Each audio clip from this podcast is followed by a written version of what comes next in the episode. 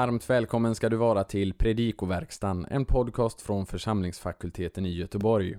Daniel Johansson går här alldeles strax igenom evangelietexten för nyårsdagen. Detta år är texten hämtad från Johannes evangeliets andra kapitel. Men innan dess, om du själv är intresserad av att studera Bibeln eller teologi lite djupare, eller om du känner någon som skulle kunna vara intresserad av att studera teologi, så vill vi uppmärksamma dig om att församlingsfakulteten, den fria fakulteten i Göteborg, erbjuder möjligheten att söka in till studier till höstterminen 2023.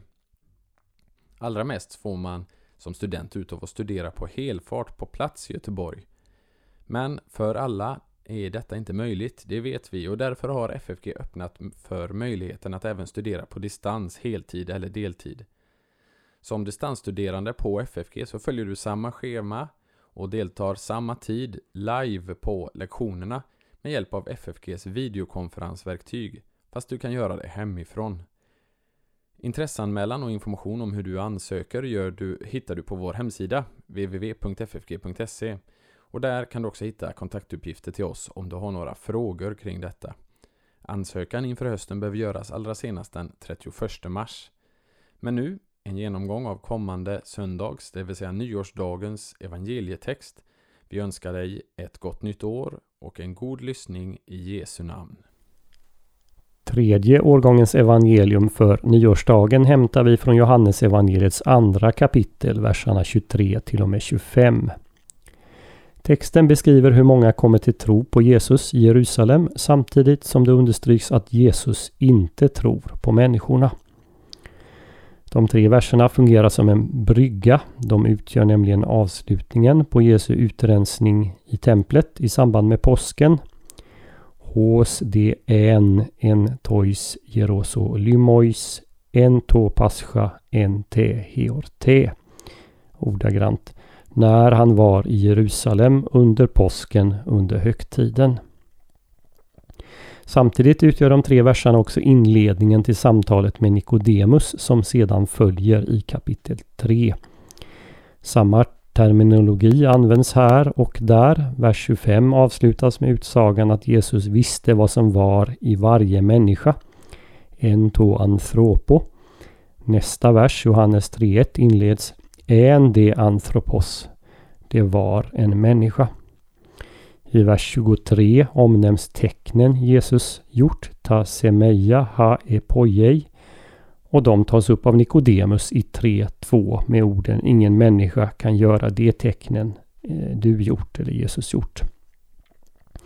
Vi kan också notera att verserna 23 respektive 3.1 inleds på ett liknande sätt med orden en det, men det var han var.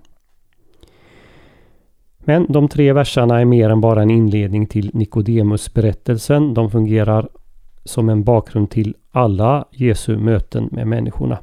Han känner till vad som rör sig i människans innersta.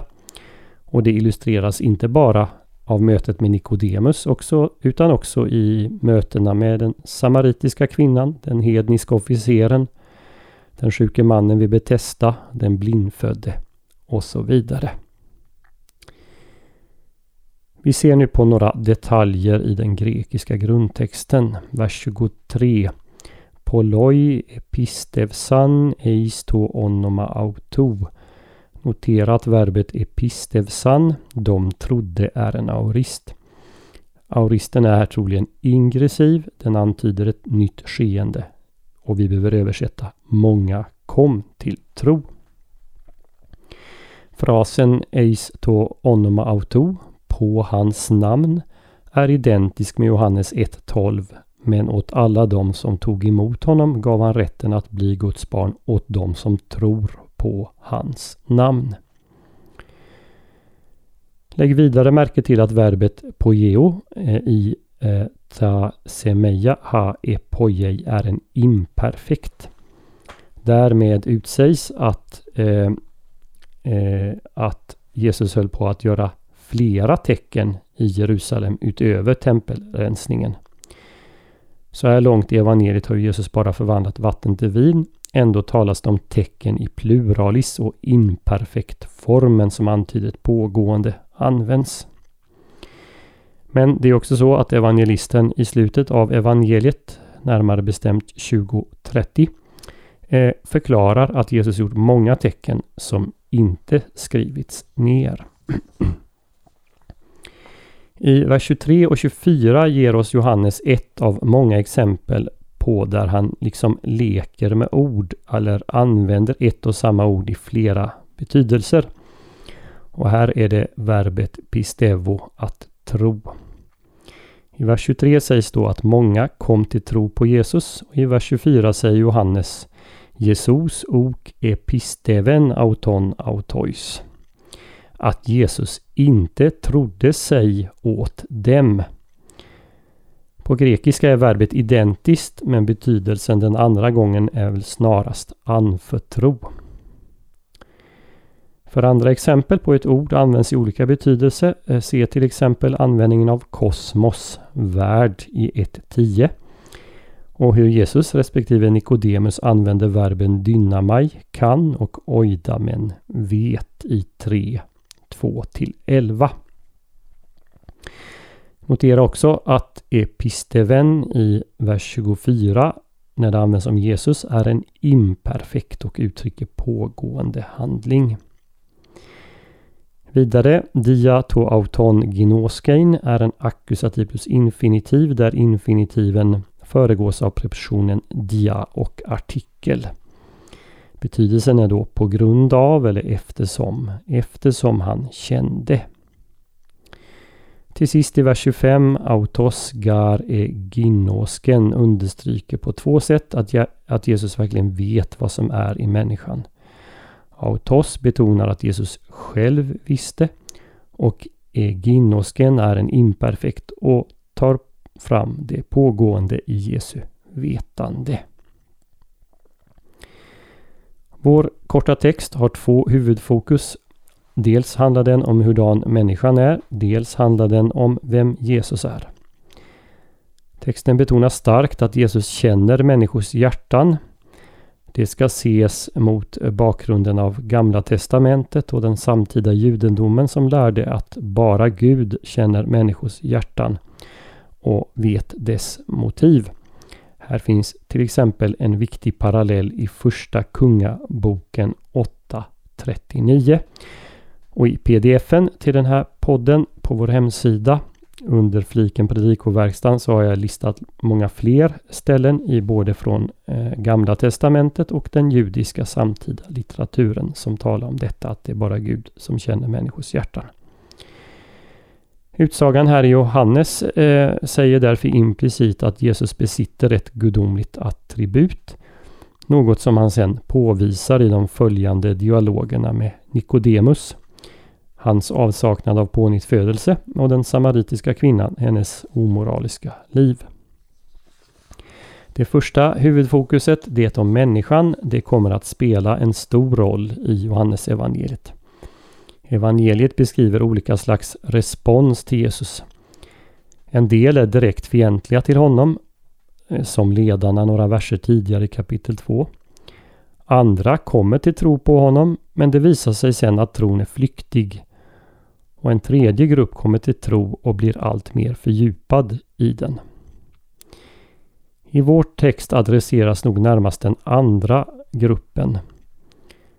Man skulle genom parallellen mellan vers 23 i kapitel 2 och 1.12 dra slutsatsen att alla de som sett tecknen i Jerusalem och kommit till tro också blivit och förblir Guds barn. Men det är en tro som saknar rot för Jesus tror inte på dem. Senare i evangeliet stöter vi på grupper, lärjungar till Jesus, som lämnar honom. 660-71. Hans bröder som inte tror. 7-1-9. Folk som först tror på honom 8.31 men som strax tar anstöt av hans kristologiska anspråk och tar upp stenar för att döda honom 8.59. Notera också hur Johannes i 12, 37-43 betonar att man inte kommer till tro på Jesus trots de många tecknen han gjort. Att se tecken Jesus gör leder inte nödvändigtvis till tro. Men evangeliet ger inte bara negativa exempel. De tolv stannar ju kvar hos Jesus. Läs kapitel 6 eftersom han har det eviga livets ord. Och den blindfödde mannen i kapitel 9 är ett exempel på en som är med om ett tecken och som stadigt leds mot en fördjupad tro. Det visar sig också att en oförstående och inte pånyttfödd Nikodemus blir en trogen följeslagare till Jesus. Det kan man utläsa av 1939. Vi hoppas att denna genomgång får bli till hjälp och välsignelse för dig som har lyssnat. På vår hemsida www.ffg.se kan du hitta information om hur du kan stödja fakultetens arbete, som till exempel den här podcasten. Ett sätt att stödja är att skänka en gåva genom Swish. Församlingsfakultetens Swish-nummer är 123 100 84 57. Alltså 123 100 84 57. Mottagaren som anges är Peter Isak Bens utbildningsstiftelse. Märk gärna gåvan FFG Podcast om du vill stötta just denna podden. Så önskar vi allt gott och Guds välsignelse. Thank you.